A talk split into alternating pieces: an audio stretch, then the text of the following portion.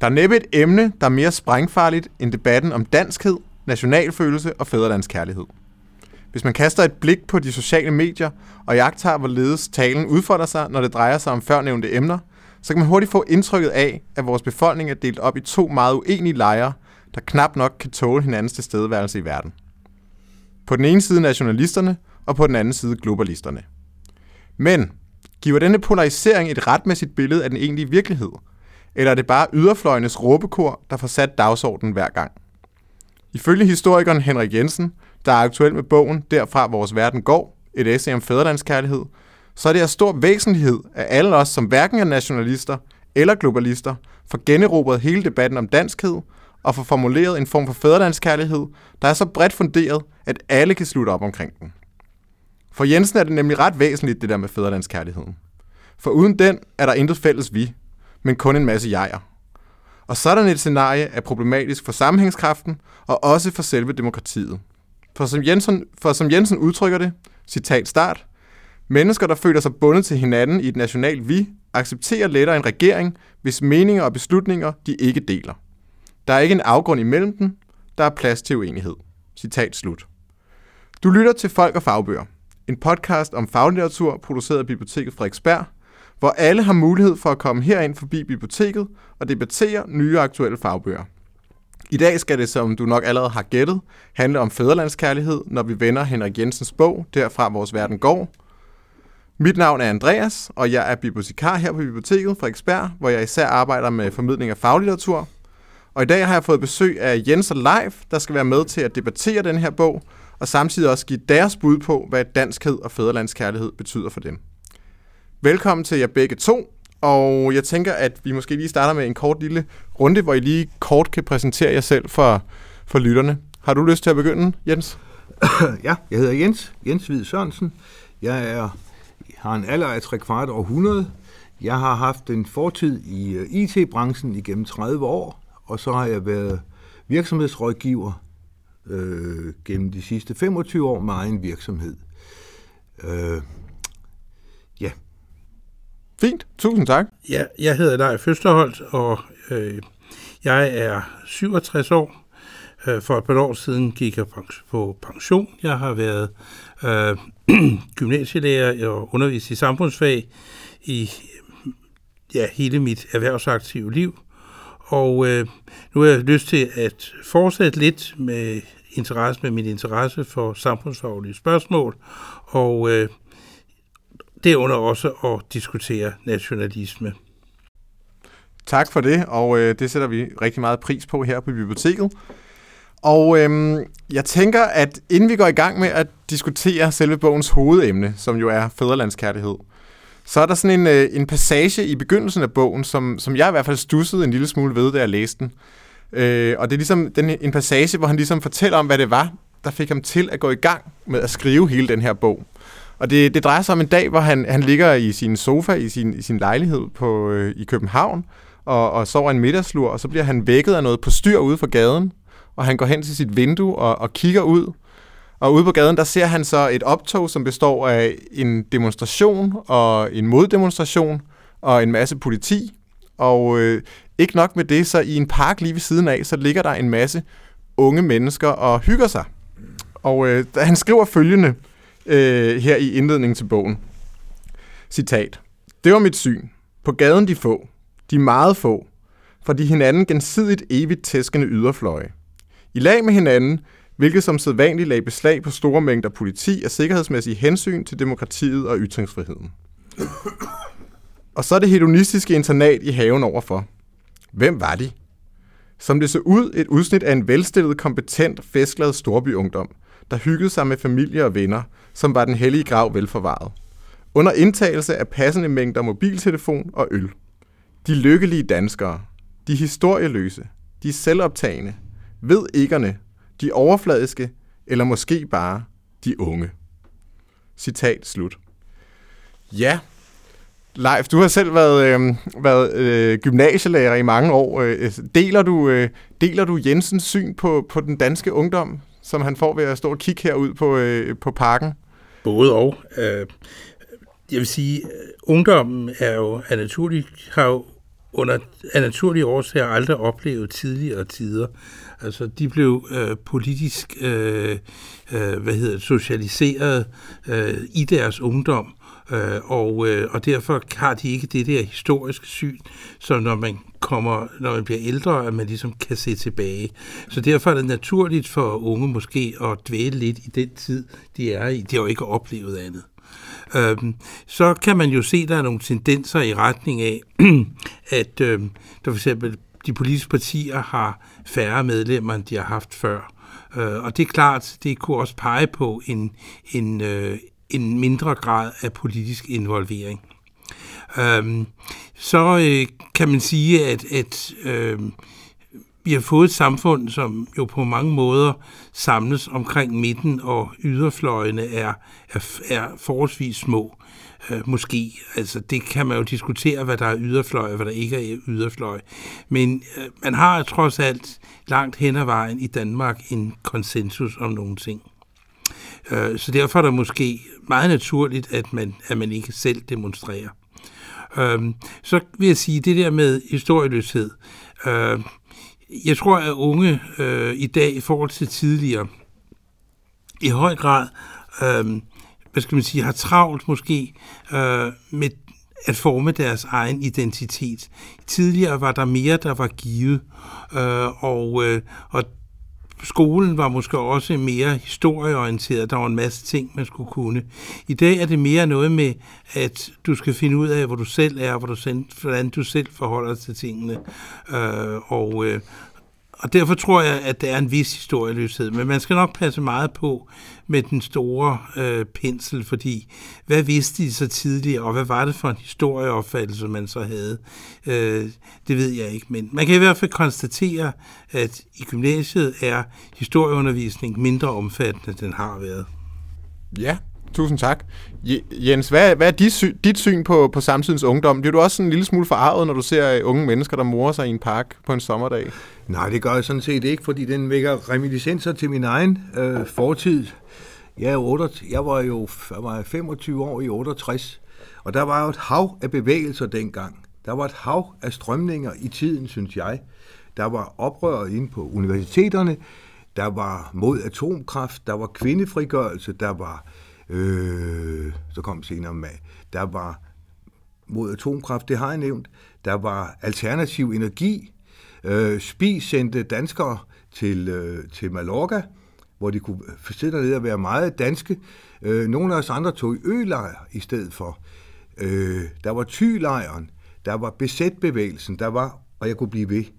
Øh, på den måde oplever jeg, at jeg er blevet pisse forkælet, af alle de strømninger har været omkring mig.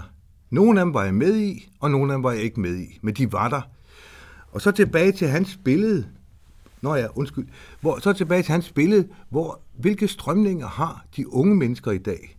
Eller har danskeren i dag i det hele taget? Sådan vil jeg helst sige det. Jeg vil helst ikke hænge ungdommen ud, fordi det er jeg ikke kompetent til, synes jeg. Men, øh, men billedet kan jeg godt genkende en masse mennesker, der sidder i deres parcelhus, kolonihavehus og drikker bajer og snakker, eller ligger på plænen, og nogle få mennesker, der er aktive.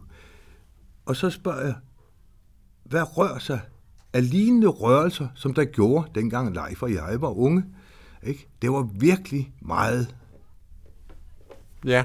Og derfor kommer de måske til at ligge på, på plænen. Så du mener, at, at, altså, at, at, at, at dengang, der, der, der, der, der, der kæmpede I for noget mere end i dag? I dag der er det sådan mere hedonistisk, øh, øh, ja, altså, nydelsesorienteret? Øh. Ja, eller du kan, du kan, hvad har vi at gå op i i dag? Klima, F1-lån, øh, jeg ved det ikke. Leif, du får lige hurtigt lov at respondere. Ja, jeg vil, jeg, jeg vil godt sige, jeg tror, at det unge mange, meget går op i i dag, det er, om de selv er en succes. Altså, de er møghamrende bange for at blive øh, kikset.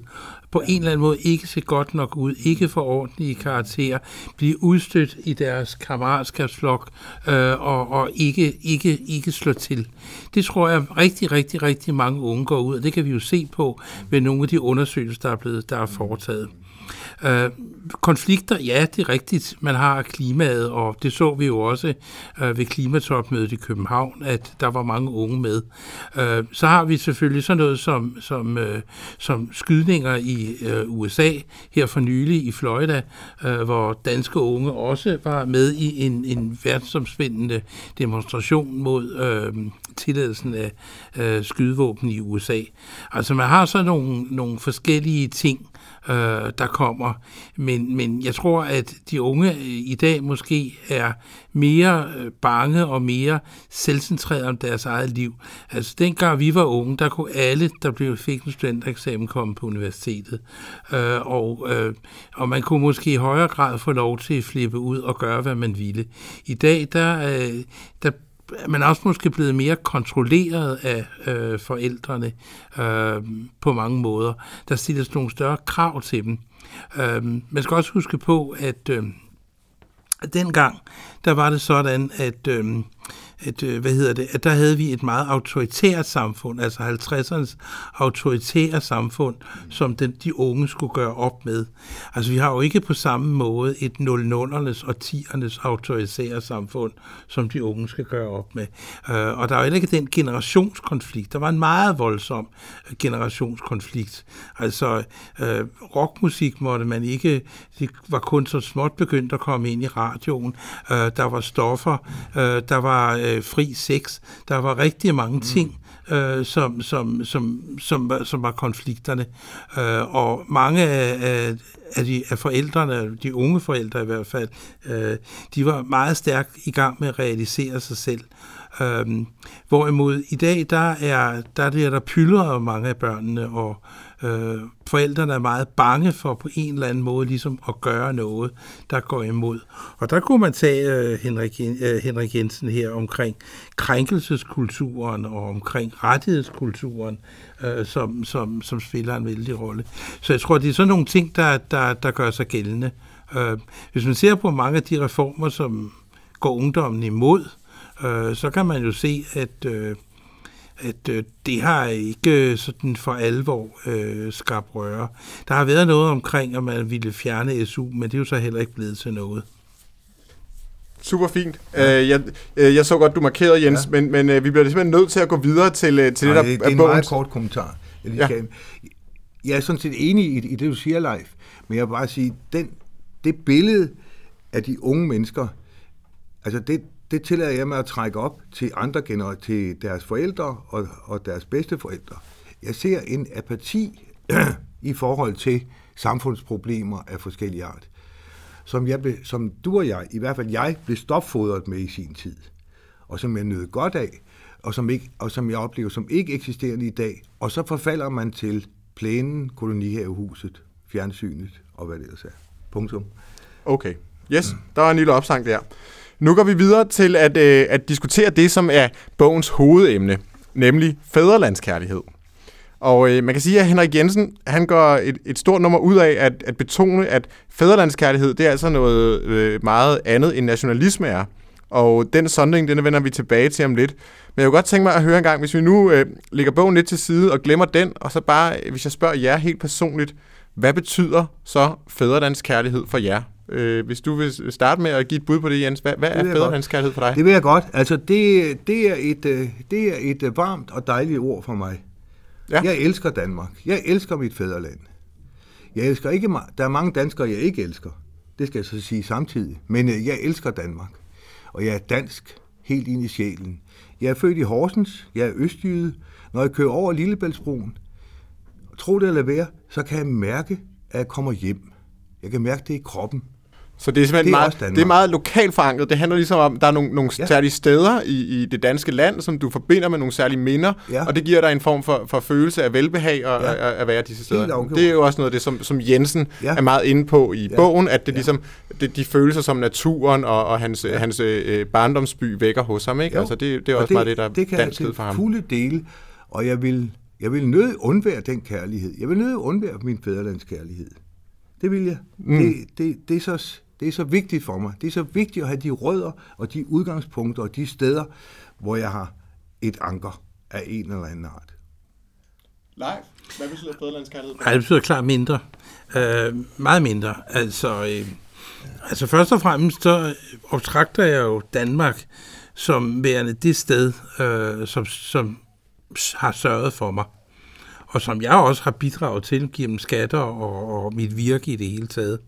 Det er ikke på den måde. Og, øh, og det vil sige, hvis jeg virkelig kommer galt af sted og bliver voldsomt syg og så videre, øh, eller får voldsomme problemer, ja, så er det den danske ramme, som ligesom skal, skal hjælpe mig ud og hjælpe mig med i min nød. Og derfor, øh, og jeg har jo stort set også fået alle mine indtægter øh, fra Danmark og fra det, som danske skatteydere har betalt igennem øh, igennem mit liv. så selvfølgelig selvfølgelig en, det føler en, en, en kraftig tilknytning til. Men jeg føler ikke sådan meget stærkt, at når jeg for eksempel, øh, nu gør jeg det ikke så meget mere, men kom med bil fra, øh, fra Putgarden til Rødby, så følte jeg egentlig ikke, at jeg kom hjem. Altså, det, det gør jeg ikke. Jeg føler mig også hjemme i, i, i andre europæiske lande og i andre kulturer. Uh, det gør jeg. Men det er klart, selvfølgelig går det altid bedre med det danske end det med det tyske og, og det engelske. Så på den måde kan man sige, at, at, uh, at der er selvfølgelig en, en samhørighed. Øh, og der er der også en, en retning af, at hvis jeg er ude at rejse og møder andre danskere, så snakker jeg da ofte mere med dem, end jeg snakker med udlændinge. Men det er også fordi, at det er lettere, for egentlig kunne jeg godt tænke mig øh, at være mere udenlandsk orienteret. Men det vil altså sige, at, at, altså, at danskhed for dig, det er sådan mest af alt sådan en formel juridisk øh, ramme. Det har ikke så meget med, med, med følelser nej, at gøre. Nej, selvfølgelig. Jeg har jo levet jeg har jo, jeg har jo levet langt, langt hovedparten af mit liv i Danmark, og, og, og, og det er selvfølgelig klart, selvfølgelig har jeg mange øh, minder og mange oplevelser fra det. Jeg har mine børn, jeg har min kone, øh, jeg har øh, mine forældre var danske, og det har jeg selvfølgelig alt sammen nogle, nogle minder om, øh, og det er klart, øh, men, men, men jeg føler ikke, ikke sådan specielt, at, at, at øh, jeg føler mig måske mere som, måske som, som nordeuropæer eller sådan noget. Altså det, det vil jeg nok sige, det, det gør jeg. Øh, men selvfølgelig ved jeg godt, de steder, jeg er født, og er ikke hvor jeg er født, det siger mig ingenting. Jeg flyttede, da jeg var et år, altså det kan jeg ikke huske. Men, men øh, de steder, jeg har boet som, i øvrigt som barn og ung, jamen det, det kan jeg da godt. Nu har jeg også studeret otte måneder i Belgien, det er jo også en del af min, af min, af min arv, og det... Ja, Jamen, øhm, jamen, tusind tak for jeres inputs øh, i forhold til, hvad, hvad, hvad danskhed og fædrelandskærlighed betyder for jer. Øhm, I bogen, der skiller Henrik Jensen, som allerede nævnt, imellem øh, øh, fædrelandskærlighed og nationalisme. Jens, har du lyst til at give et bud på, hvad det er, der, der, der for forfatteren er, er forskellen på de her to ting? Altså, hvad er, hvad er forskellen på fædrelandskærlighed og nationalisme? Altså, det jeg jo egentlig sagde før, det er fædrelandskærlighed, det er for mig en, en følelse, ikke? Det er jo en varm, varm følelse. Øh, nationalisme, som vi ser det i nogle lande i dag, øh, hvor man lukker grænser øh, for at bevare sin fædrelandskærlighed, Ungarn og, og, og Tyrkiet og andre lande, øh, det er nok den måde, jeg ser forskellen. Altså, der går fædrelandskærligheden over i noget brutalt eller noget, noget nationalistisk. Mm. Sådan vil jeg sige det. Jeg er ikke sikker på, at jeg er lojal over for bogen nu, definitionsmæssigt. Nej. Men det kan vi tage efterfølgende. Men det er nok den måde, jeg, jeg kan lære, jeg kan forstå og skelne mellem det, de to begreber. Hvad siger du, Leif? Har du et bud her? Ja, jeg ville jo ikke have brugt ordet patriotisme. Jeg ville have sagt at være national kontra at være nationalist. Ja. Det, ikke det synes jeg... Jo, det gør Jensen. Nå, nå, okay. Uh, uh, Jensen siger jo patriotisme kontra nationalisme. Okay. Og det synes jeg er noget underligt noget. Det synes jeg er forkert, dårlige begreber. At være national, det er jo at have et nationalt tilhørsforhold, og på mange måder være, øh, synes jeg, øh, det som Jensen kalder øh, patriot, øh, det er jo at, at øh, have det der tilhørsforhold, som er meget i overensstemmelse det Jensen nævnte øh, i sin tidligere replik. Øhm, nationalisme, øh, det er at øh, der skriver han, det er noget med begær efter magt, det vil sige, at man vil prøve på at bestemme, hvordan andre skal indrette sig, mm-hmm. øh, og, og, øh, og prøve på at udvide statens magt i forhold til andre lande. Og øh, det er der vel, ja, det kan man jo diskutere, hvordan frem og tilbage, men de fleste mennesker i Danmark i dag vil vel sige, at, at, at det er forkert at prøve på at påtvinge øh, andre lande, hvordan de skal indrette sig. For eksempel kan man jo se, at hvis for eksempel et flertal i den grønlandske befolkning ønskede øh, uafhængighed, så er der vel nok et generelt enighed i, i, øh, i Syddanmark om, at det må de så have. Mm. Om de så skal have en pose penge med, det kan man diskutere. Men, men, men hvis det er det grønlandske folks vilje, øh, så, så må vi ligesom leve med det. Så skal vi ikke prøve at spille koloni her igen. Mm-hmm. Det er jeg meget enig i, det sidste også. Ja. Altså, han, han argumenterer så i bogen for, at, øhm, at, altså, at, at den her fædrelandskærlighed, den er, den er ligesom gået tabt, og det ligesom er nødvendigt, at den bliver generobret, og vi får revitaliseret vores fædrelandskærlighed som borgere. Og årsagen til det er, at øh, han faktisk ser en, en ret stor trussel i de nationalistiske strømninger, der finder sted i både Danmark, men også øh, resten af Europa for tiden. Nu nævnte du før her Ungarn, øh, Polen også. Og han mener ligesom, at, at for at dømme op for den her udvikling, den her, man kan kalde det, populistiske, nationalistiske udvikling, der er i gang lige nu, jamen så er det vigtigt, at alle os, som egentlig ikke er, er, er sønderligt øh, nationalistiske, vi alligevel får fortalt om, hvad det er, fædrelandskærlighed og, og det nationale betyder for os. Leif, er du, er du enig med ham i det? Nej, ja, jeg synes, jeg vil godt tænke mig at, ligesom at lægge det lidt op på en anden måde, fordi han synes jo faktisk, det er globalisternes skyld, Ja, det er rigtigt, det siger han. Altså, han mener, det er globalisternes skyld. Vi skal måske også lige få, få, få forklaret, hvad der helt ligger i det her begreb, begreb øh, øh, globalisterne. Ja, men ja, han har jo fem punkter, som jeg synes, man godt lige kan nævne, som han mener, der er centrale udviklingstræk. Det eneste, det er anerkendelse af generelle menneskerettigheder. Øh, det er universelle menneskerettigheder. Øh, det andet, det er øh, tilstedeværelsen af masseødelæggelsesvåben, der gør forsvarets statsgrænser ineffektivt. Det tredje, det er, øh, trans, det er miljø- og migrationstrusler, overbefolkning, epidemi og sult. Det fjerde, det er fremkomsten af en global økonomi.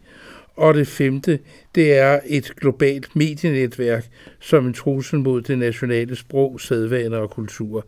Det er de udviklinger, som globalisterne er for, øh, som, som han er imod, eller i hvert fald synes skal tæmmes på en eller anden måde. Øh, og, og, øh, og det mener han, at, øh, at det kan man, hvis man havde en større grad af national øh, identitet. Øh, eller han ville måske sige patriotisk mentalitet. Men han synes ikke, det skal kramme over i øh, nationalisme og øh, en eller anden form for, øh, for øh, yderliggående magt over for andre lande. Det synes han ikke. Men altså, det er de der globale processer, som, som han godt kunne tænke sig øh, blev tæmmet. Nu beskrev du lige her før, at, at du faktisk selv ser dig mere som, som nordeuropæer end som dansker. Øhm, altså, og, og øhm, jeg kunne egentlig godt tænke mig at høre dig. Øh, altså en ting, et projekt, som ligesom har, har, har fyldt noget øh, øh siden øh, EU blev, blev, stiftet, blev stiftet, det var den her idé om, at EU skulle blive sådan en form for, for, for europæisk demokrati, altså øh, som, som har en, en form for, for præsident. Øh, er, er det en idé, som, som, som, som du støtter? Altså et, et form for... Øh, et... Stykke hen ad vejen gør det, fordi jeg synes, at øh, vi har... så er nu for eksempel øh, øh, hele problemet med indvandring og presset med flygtninge. Ja, mange af dem jo ikke flygtninge, de er jo immigranter fra Afrika, og vi kommer sådan set mere for at få arbejde. Øhm, og øhm, jeg mener, der synes jeg, det er jo naturligt, at hele Europa er sammen om nogle løsninger på det problem. Øhm, det er der jo nogen, der ikke vil være med til. Og øhm, Danmark jo heller ikke. Vi har jo forbehold på det område. Øhm, så, så, øh, og det synes jeg er et, et, øh, et problem. Øh, miljøet kan jeg også vanskeligt se kan løses nationalt. Hvordan kan vi øh, lave begrænsninger, hvad vi må putte i haverne, havene, hvis tyskerne, polakkerne og svenskerne øh, putter det ud, de vil. Øh, masser af produkter, vi får øh, fra udlandet, øh, hvis de skal være sikre og ikke, jeg mener, så må der være en eller anden form for, for øh, øh, krav til dem, og hvad skal de være? De skal være nogle europæiske krav, synes jeg. Jeg tror ikke på global regering. Det Jamen, er urealistisk. Det er nogle, en masse øh, praktiske, fornuftige, øh, fornuftige argumenter, du kommer med her, for ligesom at forsvare ideen om en, en europæisk forbundsstat. Men, men Jens, du nævnte her øh, til, til indledning, at, at det her med fæderlandskærlighed, det betyder øh, øh, forholdsvis meget for dig. Mm. Altså, hvordan vil du have det med, at, øh, at i stedet for, at, øh, at øh, du lever i Danmark, jamen, så lever du i en form for europæisk forbunds EU-stat, mm. som du har til fælles med en, en masse andre øh, borgere rundt omkring i Europa? Der er mange grader af den overbygning, man kan lave der, mener jeg. Øh, jeg mener, altså mit pendul svinger også, og min forståelse svinger også. En overgang gik jeg meget ind for, at vi havde et samlet Europa, og jeg synes i øvrigt, at EU er, er en god ting, selvom jeg i 72 protesterede imod det. Øh, og sådan bliver man klogere hen, hen ad vejen. Jo, der er mange grader af, af samarbejde mellem de forskellige lande i Europa. Øh, der er det helt yderligere, hvor vi er et fælles område, og vi jo glemmer alle grænser, og vi har en præsident, en folkevalgt præsident, øh, valgt af alle øh, EU-borgere. Øh, og så er der grader hele vejen ned, og så er der det, som han, øh, Henrik Jensen i sin bog argumenterer for, det skal blot være et frihandelsområde. Mm, det er det, han mener. Det er alle, og alle de der grader der, det er sgu svært at sige, hvor man egentlig skal lægge sig, men, øh, men, øh, men, men i hvert fald, at man skal bibeholde de enkelte lande, nationalstaterne, det er, vi er mere og mere overbevist om, at det skal vi, fordi vi har behov for at være danskere, vi har behov for at være tyskere, vi har behov for at være englændere, selvom man melder sig ud af EU og så videre. Det tror jeg på. Du markerer live. Du får lige ja, et spørgsmål. Lige, du... Det er lige, lige teknisk ting. Uh, han skriver jo, Henrik Jensen, ja. at han uh, går ind for det indre marked. Han siger ikke frihandelsordning. Og det indre marked, det er fuldstændig det er som om, han ikke ved, hvad han taler om. Øh, fordi det indre marked har jo de såkaldte fire friheder. Deriblandt også øh, arbejdskraftens frie bevægelighed. Øh, og det er jo blandt andet den, som var nok hovedanstødstenen, eller hovedårsagen til, at øh, britterne stemte for Brexit. Øh, det er jo nok det. Så jeg ved ikke rigtigt, om han egentlig ved, hvad han, hvad han skriver øh, når han siger, at han går ind for det indre marked. Jeg tror, han går ind for en tolvunion. Ligefrem ved frihandelsområdet, det er måske så tyndt igen. Mm. Øh, men men, men, men øh, jeg tror, han går ind for en tolvunion. Øh, fordi, altså en, en yder tolvunion, mener du? Ja, ja, ja. Sådan som man i praksis havde det fra 57 til, øh, ja, faktisk til op i 90'erne øh, inden man for alvor begyndte øh, humanis, øh, hvad hedder det, harmoniseringen med alle de der øh, indre markedsdirektiver. Ja, men øh, øh, en ting, jeg godt kunne tænke mig at spørge dig om, Leif, det er, at han, han øh, lægger jo selv meget vægt på, at for at et demokrati skal fungere, så skal det være øh, bundet ud fra et, et, et fælles vi. Altså der skal ligesom være et form for, øh, for vi, der kan identificere sig med hinanden, og som kan sige, vi er et folk. Øh, fordi på det, det, er, det er den eneste måde, hvorpå man ligesom kan tolerere uenigheder, øh, politiske uenigheder, fordi man, man alligevel har den her idé om, at vi er bundet sammen som et fælles folk, vi skal have et demokrati, vi skal kunne acceptere hinandens forskelligheder. Tror du, at det vi kunne lade sig gøre på et overordnet europæisk plan? Altså, tror du, at, at, at det vil fungere der? Man skal lave så meget fælles magt, som er nødvendig for at løse de opgaver, som man sætter, som man lader unionen tage sig af. Og øhm, jeg synes, det ville være naturligt, hvis man øh, lod øh, kommissionsformanden eller måske formanden for ministerrådet, nok formanden, være direkte folkevalgt i hele unionen. Det synes jeg måske ville være naturligt. Øh, men det er klart, at vi skal stadigvæk have de et ministerråd, øh, og der skal stadigvæk være nogle muligheder for at bremse det. Så en eller anden form for balance, men det kan man jo se i hele EU's udvikling, at der har været nogen, som prøvede på at trække udviklingen væk fra integration, og andre, som prøvede på at fremme det.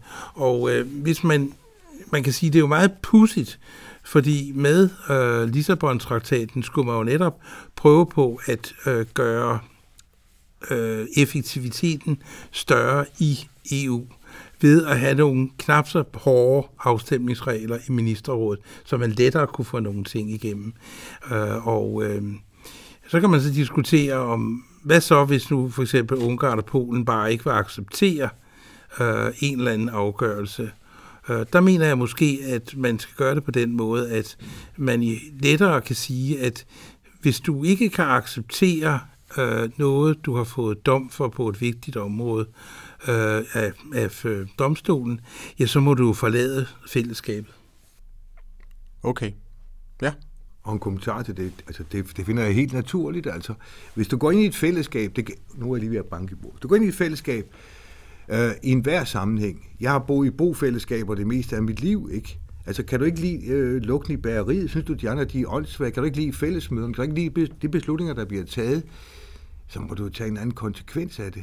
Men når man går ind i et fællesskab, så må man respektere de spilleregler, der er. De domme, der falder. De regler, der administrerer det her fællesskab. Og det gælder også de to eksempler, du nævner med, med Polen og Ungarn. Der er jeg sgu, der er jeg sgu meget, der er jeg sgu meget liberal at sige, så må de skulle skrubbe af. Ja. Og det gælder alle, alle også. Så må de melde sig ud, ligesom, ligesom britterne gjorde. Ja. Jamen, øh, tak. Øh, inden vi, øh, vi slutter den her runde af, så, så, øhm, så kunne jeg godt tænke mig at, at, at spørge lidt ind til øh, sådan, den her... Hi, han, en stor del af bogen er jo ligesom en, en, en, en historisk gennemgang fra 1500-tallet og frem til i dag.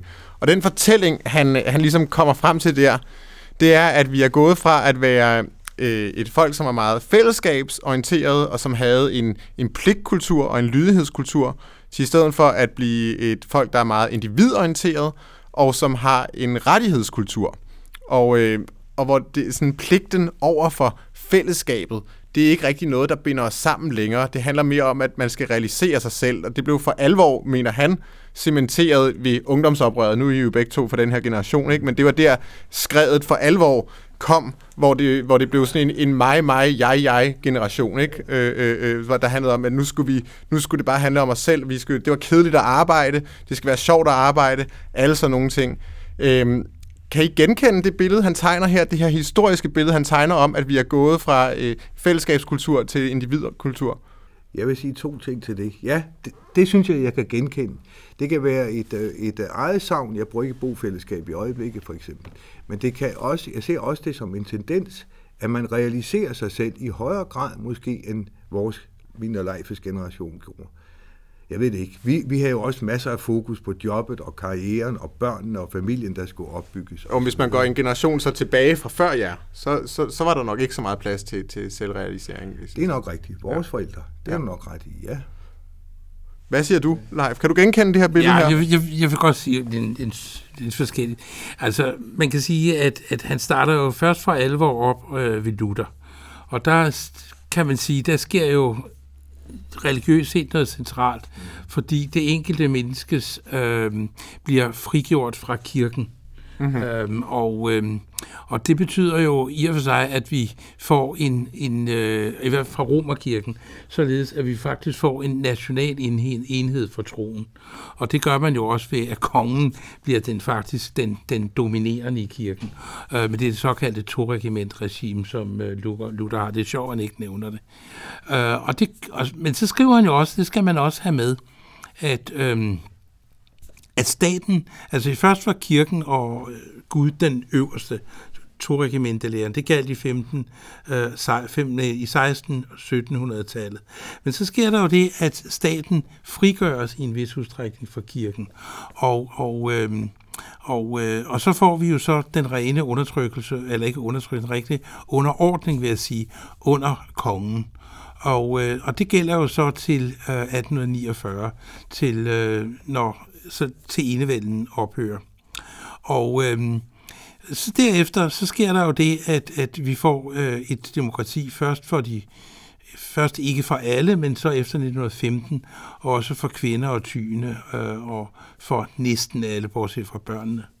Øh, og øh, og øh, så sker der jo det, at, at øh, men det er jo samtidig har vi en, en, en vigtig pligt pligtfølelse i det her samfund. Jeg mener jo, der er en vertikal dimension i samfundet med pligtfølelsen, og så er der rettighederne, som foregår i civilsamfundet. Øhm, og så kører udviklingen videre, så får vi ungdomsoprøret. Øh, så får vi socialstat, vi får ungdomsoprøret, og der i, i, i 60'erne og 70'ernes oprør. Øh, men, men, øh, men det var, jo, det var jo der, man skulle realisere sig selv. Men så synes jeg faktisk, at han har jo et, en, et andet blik øh, i dag, fordi der har vi jo så fået eller nogen synes i hvert fald, at vi har fået konkurrencestaten. Øh, og så er det ikke længere så meget om at realisere sig selv. Så er det et spørgsmål om at sælge sig selv. Mm-hmm. Øh, og, øh, og dermed for at sælge sig selv til en høj pris, øh, så skal man øh, prøve på at gøre sig så værdifuld som muligt. Have så mange eksamener og have så meget succes og have et kæmpe langt CV. Og det synes jeg er noget helt, helt andet end den frigørelse, der kunne have været i 68-opgøret.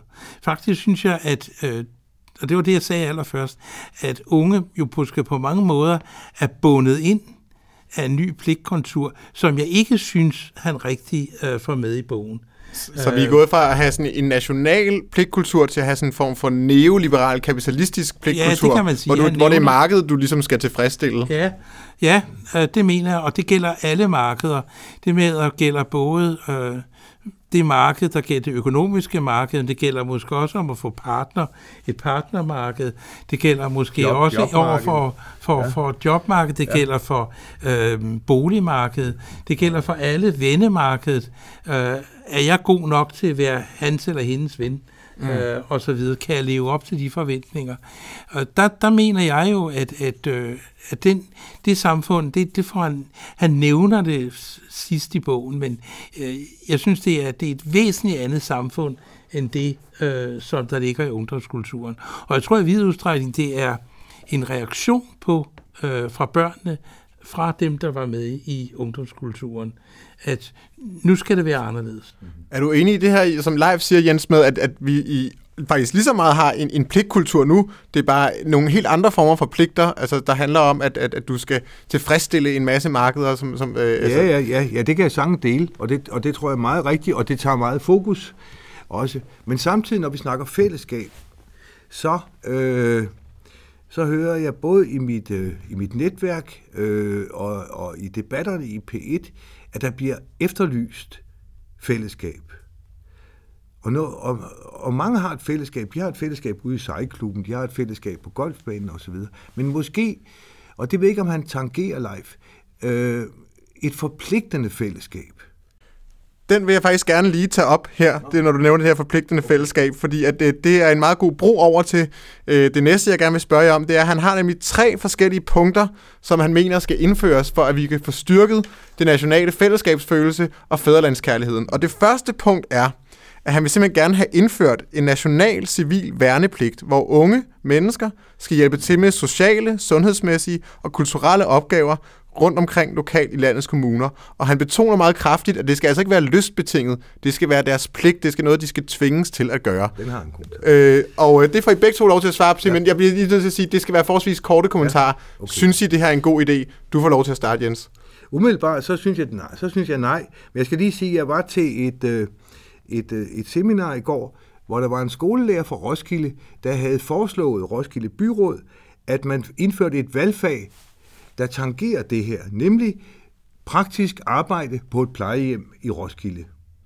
Så den idé kunne du være mere til, eller, eller Det, var, altså, det kom som et valgfag i skolen? Færdig, fordi jeg egentlig ikke forholdt mig, men det var en succes.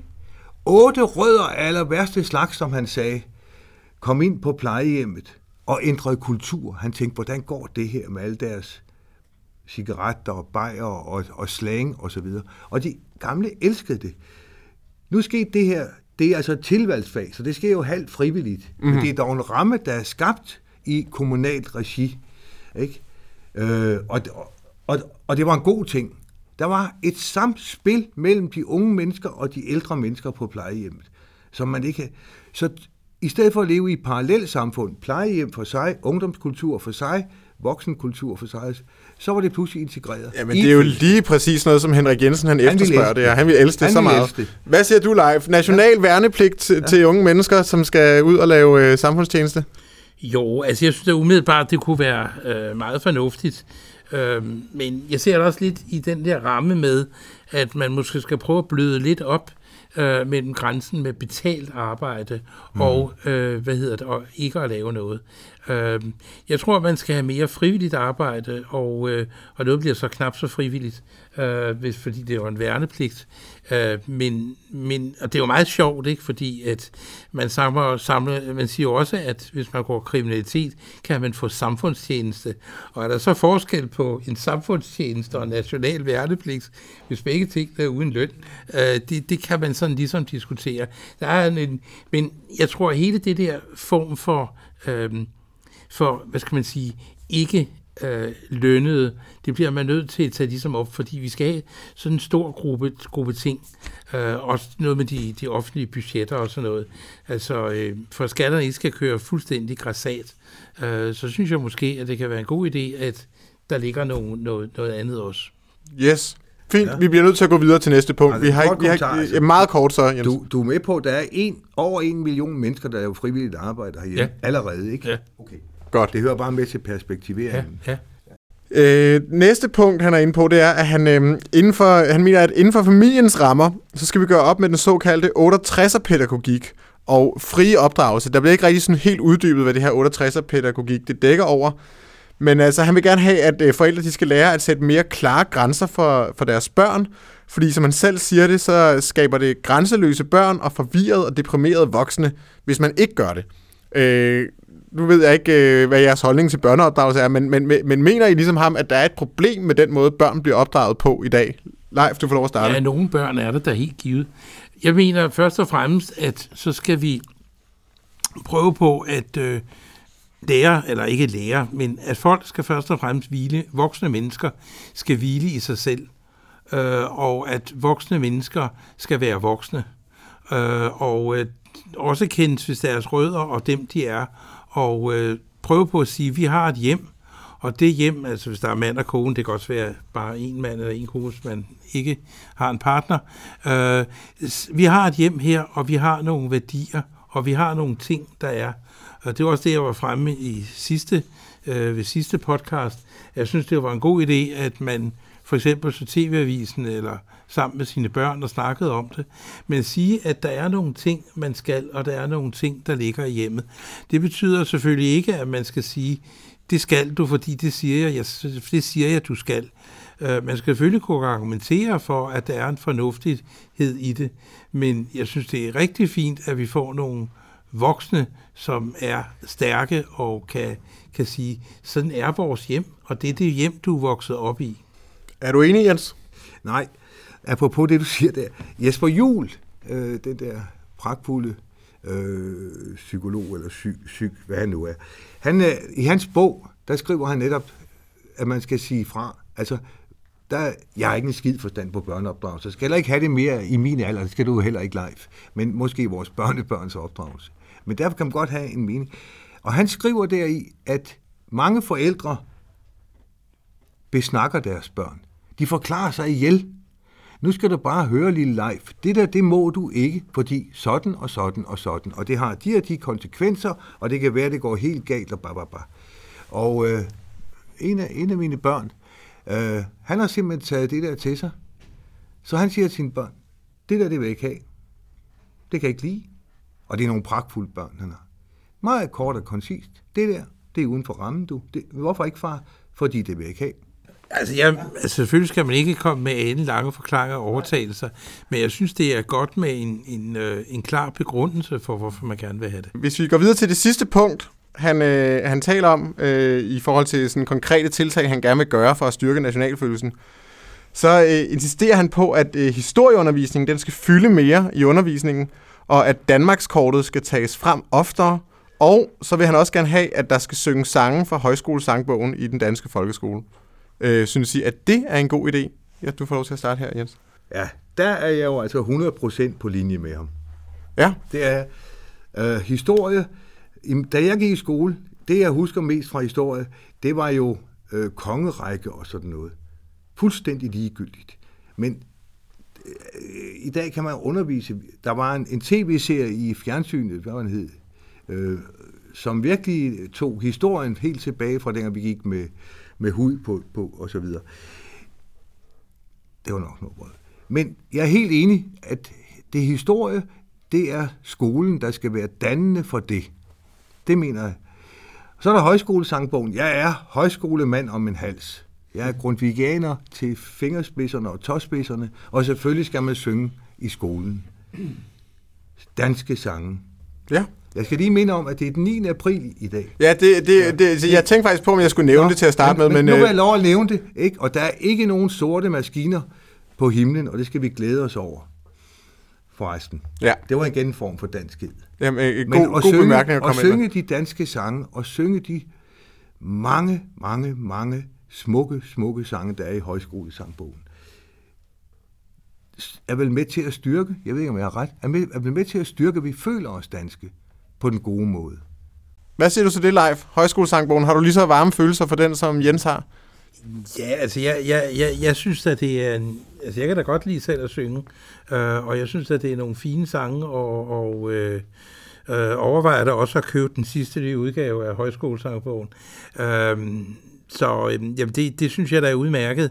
Øh, altså jeg synes måske, at, at at, at det er noget, de enkelte skoler skal finde ud af, hvordan de vil administrere og, og ikke administrere, og nogle lærere er meget for det, og nogle er måske mindre for det, og sådan noget. Jeg kan godt lide, at der er noget frihed for den enkelte lærer. Men du må da ikke underkende, at rammerne for, hvad der skal undervises i skolen, det er da, det er da et lands, altså det tager man på landsbasis, det er da regeringen eller undervisningsministeriet, der fastsætter det. Jo, men altså, jeg, jo, jo. Jeg tror ikke, de altså, skal jeg synes fastsætte, om, om man skal synge tre eller syv øh, højskolesange om ugen. Nej, altså, jeg, Men, jeg synes... men, men at man skal have, have tilvalg, som jeg nævnte før, nede for Roskilde, om man skal have øh, mere historieundervisning, det oplever jeg som et... Ja, historieundervisning kan jeg, synes jeg er, Ja, ikke? er rigtigt. Okay. Man skal have mere historieundervisning, ja, ja. Øh, det, det synes jeg også. Og, Højskolesangen, det må man skulle gøre, men, men Ja, det vil synes opfordre jeg, til det. Ja, altså, og jeg synes, højskolesangbogen, det må den enkelte, altså, mm. altså nogle lærere er syngeglade, og andre er ikke syngeglade, mm. og, og, øh, og, og, de, og nogle, de kommer frem med fiolen, og andre, yes, det, det, er sådan, det er sådan ligesom det Ja, ja, lokalt skal være. Den, den kan jeg godt. Øh, men men, men øh, jeg synes da også, at, at, øh, at historie skal spille en, en vigtig rolle, og jeg synes også, at man skal, man skal, man skal være med kildekritisk historie. Altså, man skal have fat i, i, i kilderne, og man skal øh, ikke lave lidt, lidt løbende pointer på historien. Og vi skal i hvert fald ikke have det, jeg vil kalde for. Og så vil jeg også sige, det skal ikke bare være Danmarks historie. De skal også være, lære noget historie om, hvad der for, har foregået uden for Danmark. Køber, køber, køber. Helt, helt enig. Ja, ja. Fint. Tak for det. Jamen, øhm, så går vi videre til, øh, til den sidste runde, som jeg, jeg tænker, vi skal igennem i dag. Og øhm, det er sådan, at øh, i den forrige podcast, jeg optog, der diskuterede vi en bog, der hed Utopia for realister. Og øh, man kan sige, den er, også, den er også skrevet af en historiker, ligesom den bog, vi har læst i dag. Men det var en meget, meget anderledes bog, og man kunne også tydeligt mærke, at, at ham, der var forfatter til den her bog, Utopia for realister, han var en del yngre, end, end Henrik Jensen er, fordi han havde ligesom et, et, et, et meget mere sådan utopisk, positivt syn på verden. Man kan sige, at Henrik Jensen, han, er, han, er, han, han bryster sig, vil nok selv bryste sig af at være meget realistisk. Han siger ligesom, at det er nødvendigt, at vi har grænser og nationalstater i verden, fordi at folk rundt omkring i verden, de har forskellige opfattelser af, hvordan samfund skal indrettes. Vi vil simpelthen forskellige ting, derfor er vi nødt til at, at have sådan noget som grænser. Men den her bog, Utopia for realister, den argumenterer ligesom for, at vi skal afskaffe grænser helt og aldeles. Altså, der skal være fuldstændig øh, øh, øh åbne øh, stater. Af, hvis du bor i Kenya, skal du kunne rejse til Danmark og sætte, øh, bosætte dig her og have adgang til alle de øh, rettigheder, som man har, når man bor inden for det her territorie, som, som Danmark nu engang er. Øhm, øh, og øh, han mener simpelthen, at grænser er amoralske. Og jeg kunne godt tænke mig at læse et lille citat op fra den her bog, Utopia for realister. Jeg skal lige se, at forfatteren er en hollandsk historiker ved navn Rutger Bregman. Øh, og det er et, et slags eksempel, et, et, et, et, et, et, en form for metafor, eller øh, tænkt eksempel, kan man kalde det, over for hvordan han mener, en grænse fungerer. Og det lyder sådan her. Øh, men lad os nu sige, at John ikke beder om mad, men tager på markedet, hvor han finder masser af mennesker, der er villige til at bytte deres varer for arbejde, som han kan udføre i stedet. Denne gang hyrer jeg dog et par svært bevæbnede bøller til at spære vejen for ham, og et par dage senere dør John af sult. Kan jeg stadig påberåbe mig min uskyld? Og det er altså sådan, han mener, han mener simpelthen, at det her det er et, et retvisende billede for, hvordan en grænse øh, fungerer. At man simpelthen holder mennesker ude fra nogle lande, der har rigdom og arbejde, og øh, hvis de så øh, dør af sult eller dør på vejen herover til øh, igennem Middelhavet, jamen så er det sådan set fordi, vi har hyret nogle, nogle bøller til at holde dem, dem ude herfra. Er I enige i, øh, i det her syn på, øh, på, hvad en grænse er? Hvad siger du, Leif? Jamen, altså, det er jo da rigtigt nok. Der er jo hyret nogle bøller i Tyrkiet og i Libyen. Det kan hver jo sige sig selv. Altså, altså, jeg bryder mig ikke om Erdogan, og jeg bryder mig heller ikke om, om nogle af de øh, militser, øh, som øh, sælger øh, nogle af dem som vil til Europa øh, i, som slaver. Øh, for det gør de, og det er ret, rigtig ulækkert. Men altså, man kan jo, man kan jo så til gengæld sige, at Øh, nu er vi jo, som jeg sagde før, kan, kan vi jo ikke blive enige om fælles flygtningepolitik. Og øh, alternativet var jo, at, at man fik en fuldstændig uhemmet arbejdskraftvandring til Europa. Og man må nok sige, at det ville jo betyde, at vi ikke havde noget Europa. Altså, det skal, altså, det skal faktisk sige, at ham her, Rutger Brickmann, han anerkender slet ikke den her skildring imellem flygtninge og migranter. Han mener, at alle skal have ret. Altså, han mener faktisk, at det er amoralsk overhovedet at skille ja, imellem flygtninge og migranter. Jamen, det ved jeg godt. Uh, det ved jeg udmærket godt. Og, og, og, uh, men, men altså, så var der ikke noget Europa, hvis man, hvis man øh, bare lukkede alle ind. Og det, så enkelt er det, og det gælder selvfølgelig øh, også andre steder. Og det, det kan man, altså på det punkt er jeg nok øh, konservativ med Henrik Jensen, at øh, det, det kan man ikke, fordi vi, ja, det kan man godt, men man kan ikke bede, men det koster. Man kan ikke bede en verdensdel om at nedlægge sig selv. Øh, det, det, det kan man ikke. Man kan godt bede dem om det, men man kan også forvente et nej. Øh, løsningen er jo selvfølgelig helt klart, det er, at man sender madpakker til Afrika, således at de ikke dør af sult. Det er, at man giver en eller anden form for hjælp. Og så skal man jo også huske på en anden ting. En meget stor del af problemerne i Afrika skyldes, at man har nogle komplet udulige regeringer, der intet gør for de befolkninger, som de leder. Det er en meget, meget stor del af problemet. Derfor er det meget svært. Men ja, løsningen er selvfølgelig, at de får en udvikling, således at de ikke har nogen grund, ikke har noget behov for at tage til Europa. Hvad siger du, Jens? Er du for ideen med altså, åbne altså, grænser? Altså, ja, det der med, at man er udulige regeringer, det har man måske nok, men der er jo tusinder af årsager til, at, den, at hele det afrikanske kontinent blev smadret for et par hundrede år siden, og aldrig blevet restaureret. Så det synes jeg er en helt anden debat. Når vi snakker om grænser, så vil jeg sige, uden at læse den der med utopia, jeg sad og tænkte på det derhjemme, så tænkte jeg, vi har en jeg har der, vi har alle sammen afgrænsninger hele tiden. Jeg vil hellere kalde det afgrænsninger. Vi har en familie, hvis vi har en familie. Inden for den, der har vi en afgrænsning til naboerne, til andre. Øh, jeg boede i de der bofællesskab, der var også afgrænsning. Der var også i bofællesskab, så var dem udenfor. Øh, vi har Danmark med sin afgrænsning i forhold til de andre. Øh, så jeg synes egentlig, om, jo, og så vil jeg sige omkring grænser, øh, ja, lidt det samme, som jeg sagde omkring EU. Altså, man kan åbne op på forskellige sæt og vis omkring grænser. Der er jo 6,5 million ifølge FN.